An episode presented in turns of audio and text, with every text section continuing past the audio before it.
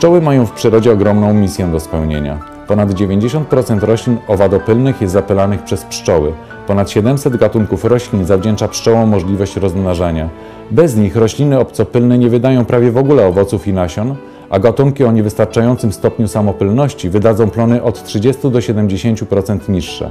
Coraz więcej zawdzięczamy pszczołom. Miód, mleczko, pyłek, wosk, pierzga, jad, propolis. Jednakże korzyści z zapylania roślin przez pszczoły są ponad 15-krotnie wyższe niż wartość pszczelich produktów i oceniane są na około 900 milionów złotych rocznie. Wielki pisarz rosyjski Lew Tołstoj, przebywając w swojej pasiece w Jasnej Polanie, powiedział Kamienie można tłuc, drzewo rąbać, ludzi trzeba kochać, a pszczoły szanować. Szczególnie jest to ważne dzisiaj, kiedy istnienie pszczół jest zagrożone. W latach 60. XX wieku, na skutek masowego importu obcych ras pszczół, nastąpiło w Polsce niemal całkowite wyparcie pszczół środkowoeuropejskich z terenów ich naturalnego występowania. Realizacja programów ochrony daje szansę na utrzymanie tej bezcennej puli genowej. Jedną z populacji pszczół chronionych jest populacja pszczoły augustowskiej Apis mellifera mellifera. Rozmawiam z panią Wiolo Naruszewicz, jedną ze współtwórczyń rejonu zamkniętego hodowli pszczoły augustowskiej. Rejon zamknięty powstał w celu ochrony cennej bardzo populacji pszczół środkowoeuropejskich miejscowych, które bytowanie swoje mają w centrum Puszczy Augustowskiej i dlatego nazwano tę pszczołę leśną miejscową pszczołą augustowską.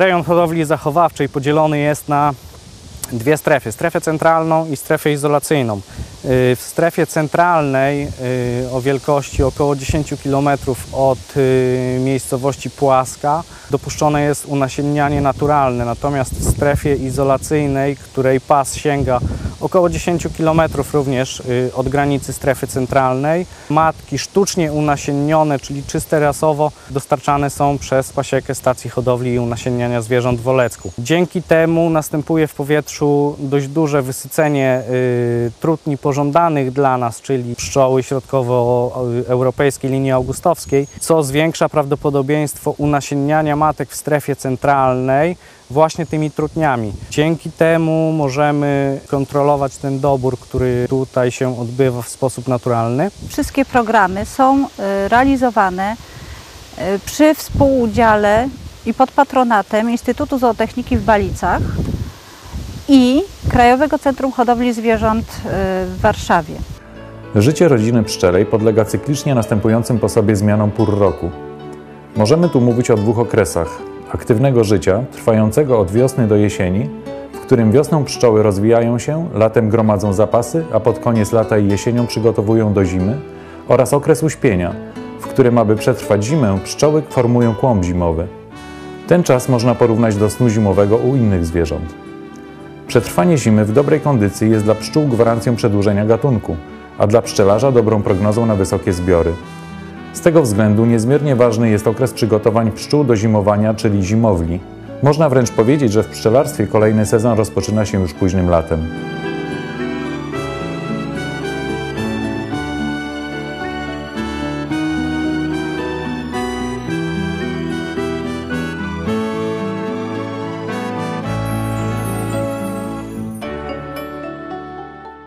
Jak powinniśmy pszczoły przygotowywać do zimy?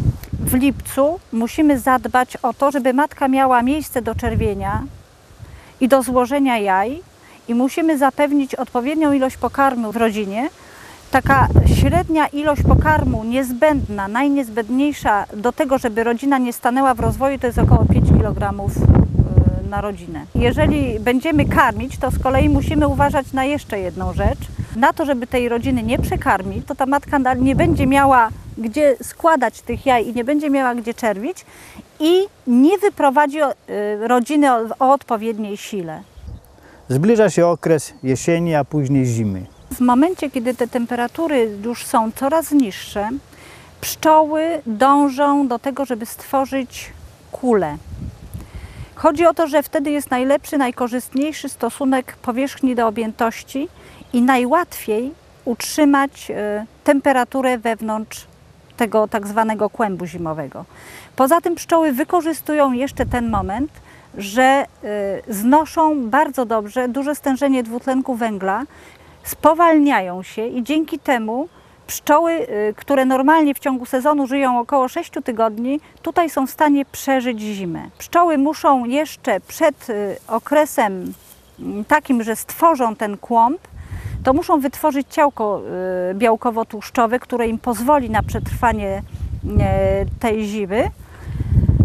Y, I poza tym musimy zadbać, żeby na tyle wcześniej jeszcze to pokolenie zostało wyprowadzone, żeby te pszczoły zdążyły jeszcze się oblecieć i pozbyć tej smułki przed okresem zimowym, żeby one się mogły zczyścić jelito i dać y, miejsce na nagromadzenie tego kału przez okres y, całej zimy.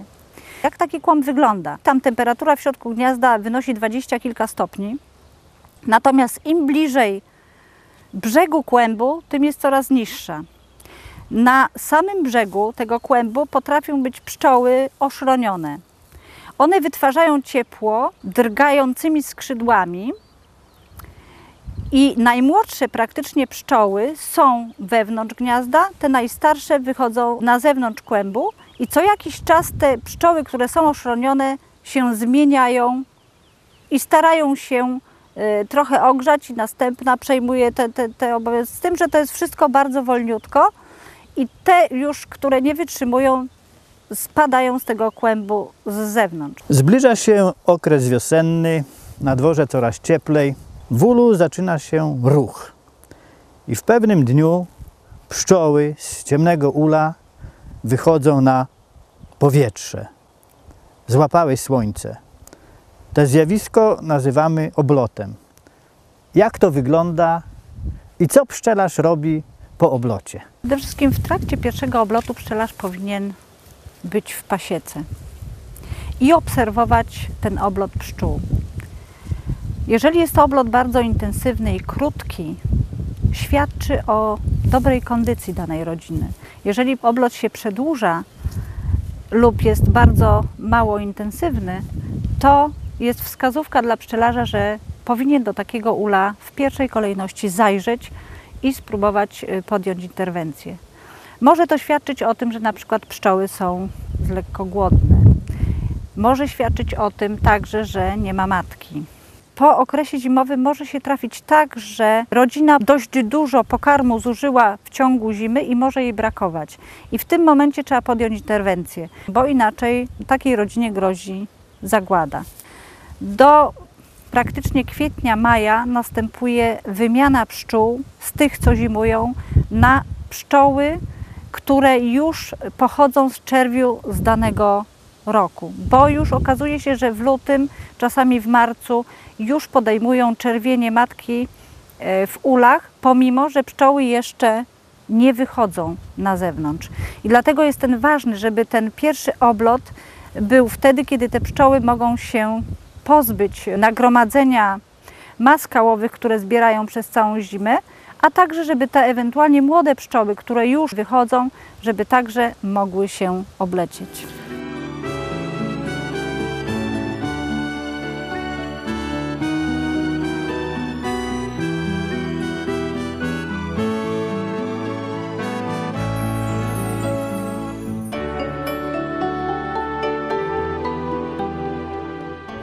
Naturalnym sposobem powiększania liczby rodzin jest tak zwana rójka. Pod koniec okresu intensywnego rozwoju rodziny pszczelej, w maju i czerwcu pojawia się nastrój rojowy, który najczęściej kończy się wyjściem z ula roju lub rojów potomnych.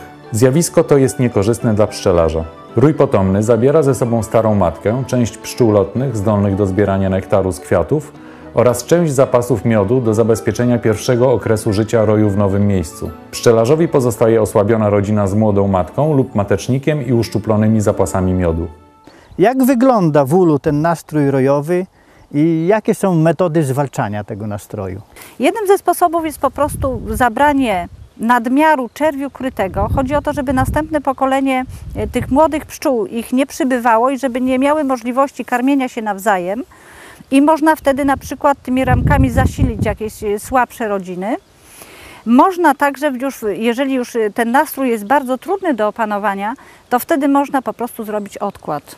I można zrobić dwa, e, dwa rodzaje odkładów. Odkład z matką, która aktualnie jest czerwiąca i przenieść część pszczół do innego pustego ula na nowe miejsce, z tym, że trzeba się liczyć z powrotem pszczół na miejsce. Musimy zrobić odkład na tyle silny i przenieść na tyle młodej pszczoły, która zostanie razem z tą matką, żeby mogła zaopiekować się czerwiem, który także zostanie przeniesiony do tej nowej rodziny. I taka rodzina musi mieć e, trochę czerwiu i musi mieć co najmniej z jedną czy, czy dwie ramki zaopatrzone w pokarm. Może byśmy powiedzieli parę słów o bardzo fascynującym zjawisku, jakim jest lot godowy. Młoda matka, która w sposób naturalny się wylęga, wyratuje razem z druchnami powietrze. I co się dalej dzieje? Matka, która dojrzała do lotu godowego, do rozrodu, ma około 7 dni. Unasienianie się i zapłodnienie w ogóle nie następuje w ulu. Przyroda preferuje różnorodność. Tak to urządziła, że matki pszczele wylatują na lot godowy i unasieniają się w powietrzu. Y, Odlatują nawet w promieniu kilkunastu kilometrów.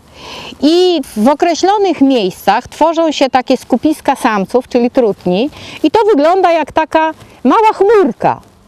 I matka lecąc na lot godowy po prostu natrafia na tę chmurę i tam następuje moment zapłodnienia. Matka wy- wylatuje na lot godowy w zasadzie raz w życiu. Raz w życiu jest zapładniana i jest tak skonstruowana, że w odwłoku posiada mikroskopijny zbiorniczek nasienny, w którym przechowywane są przez całe jej życie plemniki i w momencie, kiedy ona składa jajeczko, jest to zapładniane. Matka żyje przeciętnie 3, 4, maksymalnie 5 lat i całe swoje życie już potem korzysta z tego zapasu plemników. Plaster pszczeli jest zbudowany z wosku, który jest naturalną wydzieliną e, gruczołu woskowego pszczół robotnic.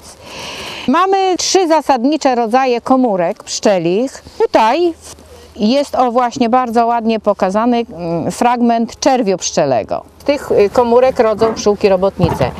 Natomiast y, tutaj takie bardziej widoczne, większe, to są komórki trutowe tak zwane. I w tych komórkach wylęgają się samce pszczele, czyli trutnie. Natomiast tu jest widoczna komórka, z której rodzi się matka pszczela. To się nazywa matecznik. Te komórki plastra, oprócz tego, że służą do rozmnażania pszczół, służą również do przechowywania zapasów. We wszystkich rodzajach komórek, z wyjątkiem komórek matecznych, czyli mateczników, pszczoły również gromadzą zapasy. Miód, pokarm węglowodanowy, pyłek kwiatowy zebrany przez pszczoły, ułożony i zakonserwowany w komórkach. Jest to pokarm białkowy. To jest taka bardzo jeszcze ciekawa substancja. Jest to kit pszczeli, o tutaj właśnie widoczny, zwany propolisem. Jest to substancja, którą pszczoły zbierają z pąków drzew y, liściastych, dodają jeszcze swoich substancji. On jest y, jako uszczelniacz, zalepia wszystkie, niweluje wszystkie dziury, wszystkie szpary. To jest doskonały środek dezynfekujący, naturalny i antyseptyczny, którym pszczoły dezynfekują całe komóreczki pszczele w środku. Przyjrzyjmy się rodzinie pszczelej od środka. Czy wszystkie osobniki w rodzinie są jednakowe? Pszczoły są zwierzętami żyjącymi e, gromadnie. Są różne postacie w zależności od tego, jakie pełnią funkcje, ponieważ życie gromadne zobowiązuje do e, podziału obowiązków w rodzinie. U pszczół występują trzy postacie. Pierwsza i główna to jest samica, która ma funkcje tylko rozrodcze w rodzinie pszczelej. Drugą postacią to są trutnie i one też mają za, zadania tylko i wyłącznie rozrodcze. Tu mamy proces rodzenia się trutni. Natomiast oprócz e, samicy i samca zdolnych do rozrodu jest trzecia e, postać. To są samice z uwstecznionymi narządami rozrodczymi i one pełnią y, funkcje robocze. W okresie letnim ilość tych pszczół waha się w granicach od 40 do 80 tysięcy osobników. A przy specjalnych zabiegach pszczelarzy, którzy chcą mieć bardzo silne pszczoły, bo na przykład jeżdżą z ulami na różne pożytki, nawet ponad 100 tysięcy osobników. Trutni y, w ciągu lata jest od kilkuset do kilku tysięcy, w zależności od tego, jakie są potrzeby y, rodziny. I te trutnie występują tylko w okresie naturalnego rozmnażania się, czyli w zasadzie e, maj, czerwiec, lipiec, w sierpniu już są tu wyrzucane z ula przez pszczoły robotnice i giną zwyczajną śmiercią głodową. Żeby wyprodukować 1 kg miodu, pszczoły muszą odwiedzić około 4-5 milionów kwiatów. Każda pszczoła dźwiga ciężar połowy swojej wagi. To tak jak gdybyśmy my przez cały dzień nosili na swoich plecach 30-40 kg. Oprócz tego, żeby pszczoła żyła, rodzina pszczela się rozwijała, pszczoły muszą nanosić do jednego ula około 120 kg miodu. Pszczoła augustowska utrzymuje mniejsze rodziny. Jest to pszczoła y, nieco drobniejsza, Jest, y, charakteryzuje się nieco większą rojliwością, natomiast bardzo dobrze znosi trudne warunki zimy i to jest jej naprawdę główny atut, bo w stosunkowo nawet mniej licznej y, rodzinie potrafi przetrwać. Natomiast rzeczywiście po już ustabilizowaniu się pogody potrafi naprawdę bardzo szybko rozwinąć rodzinę. Tym bardziej, że tutaj na północy jest nieco skrócony ten okres wegetacyjny i to ma dość duże znaczenie. I przy wyborze na przykład i preferowaniu y, tych y, rodzin y, do ochrony preferujemy właśnie ten nieco opóźniony rozwój, ale intensywny. To, żeby one rzeczywiście potrafiły wykorzystać maksymalnie wszystkie pożytki, jakie tylko na tej dość ubogiej ziemi się pojawiają. Znajdujemy się w południowej części Puszczy Augustowskiej. Jest to obszar objęty programem Natura 2000 i znajduje się też tu obszar e, hodowli zachowawczej pszczoły augustowskiej. Zamiłowanie do pszczelarstwa odziedziczyłem po moim dziadku Mieczysławie Krupie, który posiadał pasiekę w Kowlu na Wołyniu. No i zawsze mnie to yy, frapowało to, że dziadek miał pszczoły i mówiło się o tym w domu. No i postanowiłem, że będę ten kierunek zainteresowań kontynuował. Pszczoła augustowska wybitnie jest przystosowana do warunków leśnych. Nie rozwija nadmiernie wiosną czerwienia, oczekując na poprawę pogody. Później, dopiero jak się pogoda ustabilizuje, zaczyna czerwić. Y, Jest to pszczoła raczej rojliwa, zadowala się niewielkimi pożytkami. Jeżeli chodzi o pożytki, to tutaj widzimy z tyłu, jest wszędzie monokultura.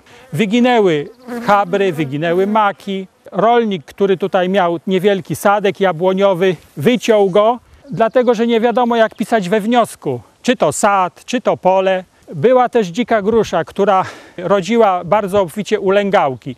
Mnóstwo owadów miało pożytek. Te grusze znikły. Były dwie potężne lipy, też rosły na środku pola, wycięte. Tu jest w lesie malina i kruszyna. Z tego można pozyskać miód. A później jest pustka, nic nie ma zupełnie. Troszkę wrzosu jesienią kwitnie, który stanowi pożytek rozwojowy. Nie ma tutaj w okolicy żadnego naturalnego zbiornika wody. Woda znajduje się na głębokości 16 metrów. W związku z tym konieczne jest pojenie pszczół. Pszczołom jest woda niezbędna do życia, tak jak nam przede wszystkim do odchowania czerwiu, a poza tym do schładzania temperatury wewnątrz ula, jak jest szczególnie upał. Pasieka jest położona w pięknym miejscu. Z jednej strony jezioro, z drugiej strony jezioro. Ale pożytki pszczele to chyba nie są najlepsze. No nie są, bo ziemia jest uboga bardzo. Piaski, żwiry, tylko las tu od południa. Ale mimo wszystko hoduje pan pszczoły. Dlaczego? Dlatego, że człowiek się jakoś, no po prostu polubił to, wciągnął, już że 40 lat prawie. I trudno teraz z tego zrezygnować. Znajdujemy się w pasiece oryginalnej, ponieważ takiej pasieki nie spotkamy w powiecie augustowskim. Kryte gątem. Niech pan mi powie, skąd pan ma te ule? własnej produkcji. I cały czas pan produkował te ule? Tak. A ile pan lat już trzyma pszczoły? E, to prawie pół wieku, 47 lat. Czy w tych ulach dobrze się panu pszczoły hodują? Na pewno, bo to musi być praktyka i doświadczenie. Czarna papa to absurd, blacha też. Tam na końcu stoi ta barć. No tak, I skąd pan ją wziął? z lasu. No i więc uzupełnił ze środka próchno, ale to jest e, tam we środku na 7 ramki e, warszawski poszerzany. Ja od 63 roku e, do dnia dzisiejszego e, utrzymał pszczoły. I sześć dzieci i te dzieci doglądali. Prowadzi pani razem z mężem znane w powiecie augustowskim gospodarstwo agroturystyczne. Ale od ubiegłego roku zainteresowała się pani pszczołami augustowskimi. Skąd to zainteresowanie? Przyjmujemy turystów e, z całej Polski. Bardzo duże jest zainteresowanie gości miodem z Augustowszczyzny, z Biebrzańskiego Parku. Mąż ma bardzo duże doświadczenie e, dotyczące pszczół. Postanowiliśmy założyć pasiekę. Pozyskujemy e, również wosk, gdzie też wosk jest wykorzystywany i do pisania jajek, jak również przygotowujemy olejki z wosku. Dodawane są olejki eteryczne lawendy, służą do masaży, ponieważ mamy tutaj na terenie banie. E, Goście korzystają z bani, później korzystają też z masaży. Goście mogą też obserwować, jak pracują pszczoły, posłuchać brzmienie tych pszczół, które właśnie siadają na kwiat lipowy. Tutaj mamy mnóstwo starych, przecudnych lip i tutaj cudownie pszczoły pracują. Jest też możliwość kupienia e, miodu, małe słoiczki do degustacji, żeby goście mogli zabrać ze sobą troszeczkę smaku do swoich domów, do swoich rodzin i zaprosić innych gości, żeby przyjechali i odwiedzili nasze gospodarstwo. Na łamach pszczelarstwa w 2000 roku znalazłem artykuł, w którym wypowiedział się pan, że pana dziadek miał 65 kłód, tata ma 55 kłód, a pan obecnie ma już właściwie resztki. Mamy w tej chwili jedną kłodę już, tylko pozostałe to są ule już te bardziej nowoczesne, to jest warszawski wąski, to jest zwykły i mam ich około 25. Jeszcze E, pozostałości mam, jakieś mam tam w granicach e, 20 kłód jeszcze, które mogę w każdej chwili e, zasiedlić, z tym, że to jest bardzo trudna e, gospodarka pszczela w kłodach dzisiaj. Znajdujemy się w rejonie hodowli pszczoły augustowskiej. Jakie według pana wyróżniają ją cechy? To znaczy przede wszystkim jej wytrzymałość na y, brak pożytku, na niskie temperatury, szczególnie wiosną, jak także i latem. Też przecież u nas bywają nad ranem przymrozki. Oczywiście one nie są tak groźne, ale przy, dla pszczoły innej one są zabójcze. Nie wytrzymuje w naszych warunkach. Okolice Puszczy Augustowskiej to teren, w którym y, jest ciężko o pożytki dla pszczoły augustowskiej, ponieważ tutaj tereny są dość zróżnicowane i generalnie rzecz biorąc obrzeża są bardzo suche. Nie mamy monokultur, które, y, gdzie wywozimy na pożytki y, swoje ule, a ule z zasady nie są ulewami, ulami, a nie pasiekami wędrownymi i pozostają w tym miejscu, w którym po prostu są od, niejednokrotnie od pokoleń. Jeśli chodzi o ochronę pszczół środkowoeuropejskich y, w Europie, czyli na terenie praktycznie ich y, naturalnego bytowania, od y, Hiszpanii poprzez całą północną Francję, Anglię, Szwecję, Norwegię, Finlandię, aż po Ural, ale z lokalnymi podtypami, ekotypami. Na skutek tego, że od kilkudziesięciu lat są sprowadzone inne rasy pszczół na teren naturalnego bytowania pszczoły środkowoeuropejskiej, następuje automatycznie ich wypieranie. Y, Ta pszczoła jest zagrożona wyginięciem, są podejmowane próby jej ochrony na terenie Europy. Jedną z organizacji, która zajmuje się między innymi mm, ochroną właśnie pszczoły tak zwanej czarnej jest organizacja SICAM. Polska jest także członkiem tej organizacji SIKAMI, ma swoje tam y, przedstawicielstwo. Jesteśmy w ogóle jednym z pionierów, y, którzy zdecydowali się na ochronę. Poza tym mamy poparcie polskiego rządu.